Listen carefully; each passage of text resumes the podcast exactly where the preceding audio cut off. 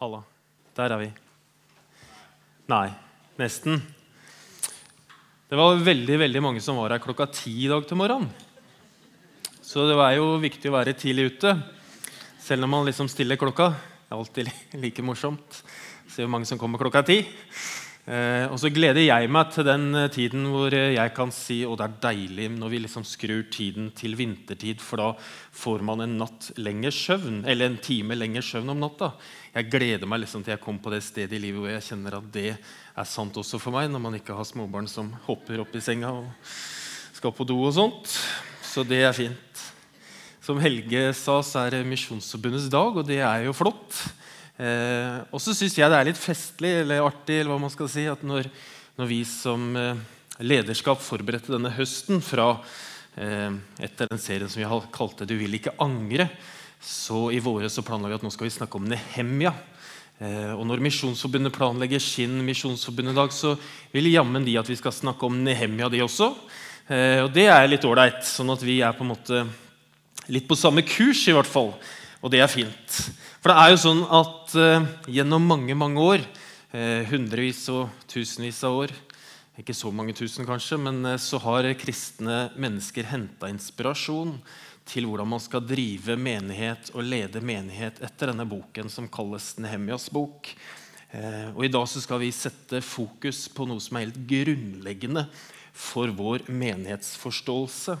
Nemlig at det å bygge menighet, det er noe vi gjør alle sammen. Det er noe vi gjør sammen. At vi sammen bygger Jesu kirke. Det finnes eh, en roman som eh, heter 'Havets katedral', som er skrevet av en som heter Ildefonso Falcones. Er det mange som har lest den? Det er, det er noen, faktisk. Eh, det handler om byggingen av en katedral i Barcelona på 1200-tallet for jomfru Maria. Det var mange kirker i Barcelona på den tiden der, men de var bygget for de rike. Og Havets katedral den skulle være for folket. Og I den boken Havets katedral så møter vi en gutt som heter Arnau. Og når Arnau blir 14 år, så blir han en bastaiks. Jeg er veldig usikker på hvordan man uttaler det. liksom Bastaiks, men vi sier bastaiks for det er sånn det står skrevet. Men en bastaiks var en som jobba på havn med å lesse og lasse båter. Og når de bygger havets katedral, eh, så bygger de den med store steiner. Og De steinene de var så tunge at det måtte være to mann for å løfte de opp på ryggen til den som skulle bære. Så de var ganske tunge. Og Når Arnau får sin første stein på ryggen, så er den så tung for han at han så vidt klarer å dra. Og skal vi lese i boken at Det som driver han med å gå med disse steinene, var den visjonen for å bygge dette havets katedral. Og En dag så drar Arnau til eh, byggeplassen og Der er han uheldig, og så river han ned noe som var bygget opp. Og Da liksom faller han på kne og gråter og er kjempefortvila. Og Plutselig så kjenner han to hender som blir lagt på skulderen hans. Og Så snur han seg rundt, og så ser han rett inn i øynene til det som var byggmesteren. Og Så tar byggmesteren med seg Arnau og setter seg ned med han, og så snakker han med han, og så deler han visjonen om havets katedral. Og de andre arbeiderne som er der og jobber, de skjønner jo ikke hva denne mesteren driver med når han driver og snakker med denne simpel bæreren. En simpel arbeider. Også. Men så, så ser på en måte mesteren det. Og så Derfor så roper han til de andre som står rundt, at vi må ta godt vare på disse mennene.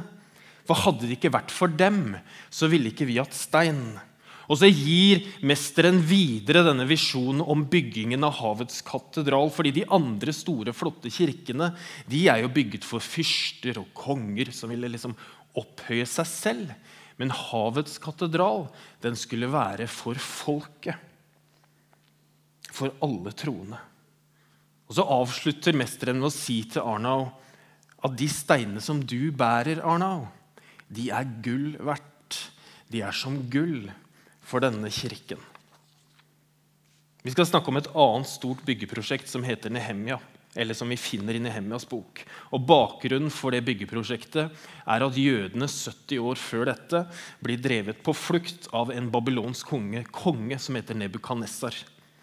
Eh, men i år 539 så blir jødene ført tilbake, og da får de lov til å komme tilbake til Jerusalem. Og det Jerusalem de møter da, det er ødelagt. Tempelet er brutt ned. Murene er, liksom, de er brutt ned, og tempelporter og sånt er brent opp. Og så kommer det broren til, fordi Nehemja han er i et, et, annet sted, i et annet land. Og så kommer broren hans med noen andre gutter, og så sier de dette. og Da begynner Nehemja å gråte, og så blir han kjempefortvila. Og så står det at han brukte flere dager på å be og gråte. Men så stopper han ikke bare ved å be. For det er ikke alltid nok med bare triste og omsorgsfulle og fortvilede bønner. Men bønn bør føre til en handling. Og bønn er ofte første steg for det vi gjør. Men bønn fører til handling. Og Så drar Nehemia da til Jerusalem med en visjon om å bygge denne muren opp igjen. Og så kan vi lese deres, Skal vi se hva som står på skjermen, egentlig? Ja. Han, han kommer med en visjon hvor han sier 'Kom, la oss bygge opp igjen muren rundt Jerusalem'. Vet du at Vi bygger jo ikke noen mur her i Skien misjonskirke. Vi bygger ikke noen mur. Vi bygger en menighet. Fordi vi tror det at vi har en byggherre som har gitt oss et kall til å bygge hans menighet her på denne jord. Hvor han inviterer deg og meg til å være med. Og vi tror at den lokale kirke er verdens håp. Vi tror at den lokale kirke har fått verdens viktigste oppdrag. Fordi Jesus sier i Matteus 28.: Gå derfor ut og gjør alle folkeslag til disipler. Og så sier han i Johannes evangeliet at som jeg, som far har sendt meg, sender jeg dere. Og Det betyr at vi vil at alle skal være med. Vi vil ha deg med, fordi Jesus kaller ikke bare de få, men han kaller alle til å være med. En av grunnene til at vi bruker overskriften side ved side i denne serien som skal vare fram til eh, advent, er det at vi leser i statistikker at 20% av de som bidrar i en menighet, gjør 80% av jobben. Og når vi vet det, at det er 20% som gjør 80% så får vi et problem. Et ressursproblem på mennesker. Et HR-problem, vil man si i business. Fordi Hvis det er sånn at vekten på menighetens arbeid blir lagt på noen få, så blir det feil. Fordi det er ikke de få talentene som skal bygge menigheten, men det er et bidrag fra de mange som skal gjøre det. Og Jesus sier at dere skal være mine vitner. Det er dere som skal få kraft. Og når Jesus legger trykk på denne utsendelsen, så legger han det på dere. Og så vrir vi i lederskapet hodene våre for å få sagt dette på en måte sånn at du forstår at du er ønska, at du er viktig, at ditt bidrag er viktig. At det er vi alle. For det skal så utrolig lite til før vi begynner å tro at jeg ikke kan bidra. For hva kan vel jeg gjøre? Jeg er jo ikke noe flink til dette. Jeg er jo ikke noe flink til å synge. Hun er jo mye flinkere til å synge enn meg. Han er jo mye flinkere til meg, enn meg til å hoppe hoppe. Og så skal vi begynne å hoppe alle sammen nå, da. Jeg kan jo ikke hoppe, jeg. Jeg er med gikta mi, liksom. Det går jo dårlig. Er det det som er det nye nå? At vi skal gjøre det? Og så begynner vi å snakke oss veldig fort ut av det å bidra. Men Jesus sier at alle skal være med. Fordi vi vil bygge menighet. Vi vil bidra. Og vi vil ikke sitte og se på det som skjer rundt oss lenger. Vi vil ikke sitte og se på at det er titusenvis av mennesker i Skien by som ikke kjenner Jesus. Vi vil ikke se på at familier splittes, at barn blir mishandla, at tiggere blir spytta på, at flyktninger blir trakassert. Vi vil ikke se på det lenger. Fordi vi vil gjøre Jesus synlig. Vi vil utgjøre en forskjell. Fordi vi tror på at evangeliet er Guds kraft til frelse. Vi tror at den lokale menighet er verdens håp. Og det er jo i det perspektivet vi tenker Vekst 2020. Det er i det perspektivet vi bygger menighet. Vi er 160 år til neste år. Og så står vi i en sånn konstant fare for å bli nærsynte i tjenesten. At vi bare er opptatt av vårt eget ve og vel og våre egne behov som menighet og som enkeltmennesker. Og det merkelige er at tjenesten vår kan bli en sånn nærsynt tjeneste. Min tjeneste har jo alltid vært å legge disse plastkoppene i plastomslaget. Det er liksom min, min jobb, det. Det har gitt meg utrolig mye glede å putte dette oppi. Og så glemmer jeg etter hvert, når jeg gjør det i mange år, så glemmer jeg kanskje hvorfor jeg gjør det. Jeg glemmer kanskje at jeg gjør det fordi jeg skal ha gjester. Og så begynner jeg å tenke i stedet at dette kaffeomslaget det gir meg ikke så mye lenger. det. Jeg ser på de andre som tenner stearinlys og setter fram servietter. Og så tenker jeg det må jo være mye bedre og spennende det enn å putte denne kaffekoppen oppi dette kaffeomslaget. Jeg opplever kanskje kanskje er ikke min tjeneste her lenger ved kaffeomslagene. Og Så kan vi også av og til begynne å, liksom, å tilbe nesten dette kaffeomslaget og lage sanger og synge liksom, Du kaffeomslag, du kaffeomslag, du er så vakker og flott. og elsker alt med deg. Og så begynner man å tro at tjenesten bare handler om dette kaffeomslaget. Eller man begynner å tenke at det bare handler om å støvsuge tepper eller tjene stearinlys. Og så blir man så utrolig nærsynt. Man får så kort perspektiv på tjenesten. Og da trenger man å hentes inn igjen. Og så trenger man å få løfta blikket, sånn at vi får se hva vi egentlig holder på med at den tjenesten som du har, er viktig for menigheten. At den er viktig for andre mennesker. At den betyr noe for Gud. Vi trenger å få heva blikket vårt. Så er vi ulike mennesker med ulike talenter og ulike gaver og ulike interesser. Men det er jo sammen som vi bygger Jesu kropp på denne jord. Når Nehemja bygde denne muren opp igjen, så bygde de også opp ulike, ulike, porter i denne muren, sånn at man kunne komme inn. og Hver port hadde ulik funksjon og hensikt. Og så tenkte jeg at Vi skal liksom rase gjennom fem av de pluss et tårn. Og så skal vi eh, se litt på hva det betyr for oss som menighet ut ifra disse portene. Det er seks punkter. Hva bygger vi? Jo, vi bygger et fellesskap som er grunnlagt på Jesus Kristus. Og når Nehemia bygde porten, så var den første porten han bygde, det var saueporten. Og Saueporten var nødvendigvis for å få sauer inn, men de skulle jo slaktes. Fordi det var viktig at, at den første porten var nærmest tempelet. Fordi tempeltjenesten var viktigst. Og de brukte saueporten til å frakte ofrene inn til tempelet. Hva er viktigst hos oss?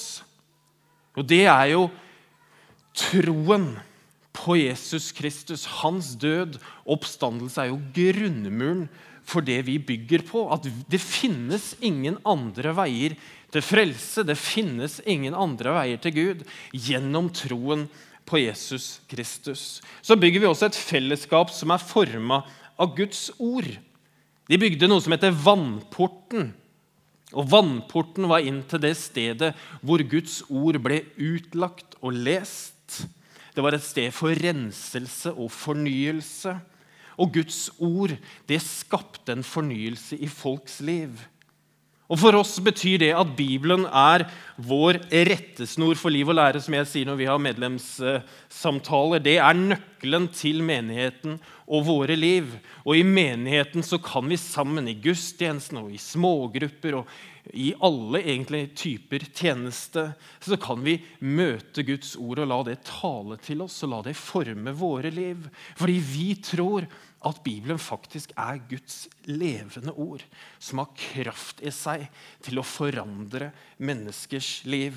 Så ønsker vi å være et fellesskap hvor vi snakker sant om livet. Det var en port som ble kalt Møkkporten. Det er et fantastisk navn å kalle en port for en møkkport. Men det var den porten hvor byens avfall ble tatt ut. Og så lurer jeg på, Har vi en sånn møkkport i menigheten? Kan menigheten være et sted hvor jeg kommer med all møkka i livet mitt. Med alt det som er vanskelig, og med all skitt og mørkt og møkk. møkk. Hvor jeg kan bekjenne syndene mine. Vi ønsker at menigheten i gudstjenesten og ikke minst i smågruppene våre skal være et sted hvor vi snakker sant om livet, sant om det å leve og sant om Gud. Vi ønsker en sånn møkkport i våre smågrupper og i vår menighet. Så er fellesskapet samla om Jesus Kristus. Det er derfor vi er sammen. Vi er samla rundt Han. Alle samlinger i våre menigheter skal være rundt Jesus. Det er han som skal være vårt felles fokus, og han som vi skal søke. Og så er det De laga en port som heter Mønstringsporten. Et fellesskap der alle er nødvendige. Ved mønstringsporten så ble man mønstra til tjeneste. Her så man om noen mangla, eller noen var borte, eller om noe mangla. Man mønstra folk til tjeneste. Menigheten trenger å være et sted hvor vi kalles til tjeneste. Ikke et sted bare hvor du kommer, ikke et sted hvor bare noen få betjener de mange. Nei, menigheten skal være et sted hvor vi kommer alle sammen med det vi har med våre gaver og talenter, og så blir vi mønstra til tjeneste i menigheten og der vi bor, og der vi oppholder oss. Tårnet har jeg satt overskriften 'Fellesskap som viser Guds nåde'. Fordi det var mange porter i denne muren, mange som jeg ikke har sagt. Men så var det også noen tårn. Og et av de tårna het Hananel-tårnet. Og det betyr 'Gud er nådig'. Et tårn, det vet vi jo alle sammen, kan ses langt borte fra. Og så tenker jeg, Hva ser og hva assosierer mennesker i vår by når de hører om Skien misjonskirke? Når de ser vårt tårn? Og så vil jeg nesten be om tillatelse til å si noe i en parentes. Um, og så sier jeg uansett om dere sier ja eller nei.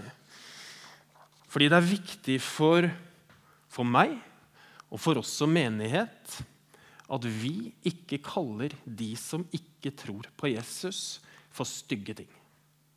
Det betyr at vi kaller ikke folk for ufrelste. Har du noen gang sett en plakat på en dør hvor det står 'Per 14 år, jeg er ufrelst'? Vi kaller ikke folk for syndere. Vi kaller ikke for, for frafalne eller for hedninger. Fordi det er en sånn kristen sjargong som stenger som bygger disse murene som vi ikke vil skal bygges opp. Og det vil vi ikke ha noe av. Fordi evangeliet det er gode nyheter. Og da må vi snakke ordentlig om folk. Kristen sjargong som er nedsettende, det vil vi ikke ha noe av. Jesus han var jo syndere og tolleres venn. Og jeg er overbevist om at vi kan kalle de som ikke tror på Jesus, som våre venner. Jeg har mange venner som tror, og som ikke tror. Og så har jeg noen som tror mye, og noen som tror lite. Og hvorfor i all verden skal jeg snakke forskjellig om dem? Det er jo helt tullete. Jeg er jo takknemlig for at Jesus kaller syndere og tollere for hans venn, for da er jeg en av de selv. Og så kan du si Det handler bare om språk. Martin. Det handler jo bare om hva slags ord vi bruker. Men det handler om at språket vårt gir noen holdninger. Og disse holdningene gir noen handlinger. Og det handler om hvordan vi oppfører oss og snakker om folk i menigheten, i smågruppene våre, på jobben vår og på skolen vår og der vi er. Så tenker jeg, hva slags tårn er vi? Jeg blir kjempeglad når jeg møter noen her som sier at du, når jeg kom til Skien misjonskirke for første gang, da, det, da, hilste de på meg i døra. Altså, hilste de på meg der de jeg satt meg ved siden av, og så hilste de på meg ved kirkekaffen. og Så satte de seg ned med oss, og så var det noen som spurte vil dere være med på tur. eller vil dere være med hjem til oss. Og jeg blir kjempeglad når jeg hører sånne historier. For jeg vet at det er veldig mange i vårt samfunn som kjøper personene før de kjøper budskapet. Det betyr at vennskap og kjennskap er kanskje det som betyr mest for at mennesker blir kjent med Jesus. At de kommer inn en port. Og Derfor er relasjoner og vennskap og smågrupper utrolig viktig. For hva vil vi at mennesker skal se når de ser tårnet Skien misjonskirke? Jeg håper de ser 'Velkommen hjem til en nådig Gud', og 'velkommen hjem til et nådig fellesskap'. Så hvordan er det vi bygger? Når Nehemia bygde sine, sine porter og sin mur, så var det flere team som jobba mot samme mål, som jobba på forskjellige steder, men som hadde samme mål. Og så er det sånn at jeg, ikke, jeg, vet knapt, jeg vet faktisk ikke hva mitt eget navn betyr. Altså, jeg heter jo Martin, men jeg vet ikke hva det betyr. egentlig. Men på den tiden så hadde det veldig stor betydning hva navnene våre betød. Eh. og så tenkte jeg at vi skulle faktisk se på noen av disse navnene. Så kan du tenke kanskje er dette meg. Eller kanskje er dette en jeg kjenner. Eller kanskje er dette en som jeg ønsker å dra inn. Det var en som het Meremot. Han heter jo sikkert ikke Meremot, men han heter Meremot. Eller, ja. Det betyr det å være sterk og utholdende. Det å være en stayer. Det er de som ikke alltid gjør så mye ut av seg. Som du kanskje du ser i veldig sjelden her oppe på plattformen. Men de er her, og de gjør en jobb som du ikke ser. Og så er de utholdende, og så er de trofaste. Så var det en som heter Ussiel, som betyr 'Gud er min styrke'. Og han gikk rundt ham og inspirerte de andre og sa, 'Gud er min styrke. Gud er din styrke. Gud er min styrke, og Gud er din styrke'. Så var det en som heter Hashub, som var med og bygget det. Og, ha, og det betyr det å være omtenksom. Så trenger vi alle den omtenksomme. Den som drar på hjemmebesøk, den som oppmuntrer, den som bryr seg om, den som viser omsorg for andre. Nehemia betyr jo faktisk 'Gud trøster', og det er jo et fantastisk navn å ha. Kanskje litt for gammel til å gjøre et sånt navneskifte selv. Men det trengtes i den tiden fordi det var tøffe tider. Det var motstand. De møtte intern motstand og ekstern motstand, og det var tøffe tider. Og Nehemia var ikke bare lederen for gjengen, men han var også trøsteren. Bavai det, det betyr å være en ønsker eller en drømmer. Han var de med alle de mulige og umulige visjonene som drømte, og som klarte å tegne et bilde for de som bygde, hva dette kunne bli for noe. Og fellesskapet og vårt fellesskap trenger drømmeren. Poenget er at når vi skal bygge Skien misjonskirke, når vi skal bygge menighet her i byen, når vi ønsker å bety noe lokalt og regionalt og nasjonalt og globalt og alt som ender på alt, så trenger vi ikke se på våre forskjellige personligheter som en trussel. Men vi kan se på dem som en styrke, hvor vi sammen jobber mot samme mål. Det er jo derfor Paulus skriver til efeserne det var han, altså Jesus, som ga noen til å være apostler, noen til profeter, noen til hyrder og lærere, for å utruste de hellige til tjeneste, sånn at Kristi kropp bygges opp.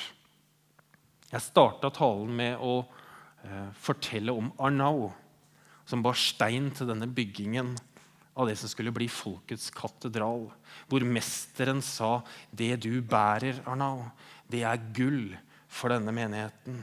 Det er gull for denne kirken. Og det du bærer med deg inn her, den du er, de gavene du har, det er som gull for Skien misjonskirke. Fordi sammen så skal vi også være med og bygge en sånn folkets katedral med lav terskel, med rom for alle hvor man kan se på skiltet 'Velkommen hjem til en nådig Gud og til et nådig fellesskap', hvor vi snakker godt om folk.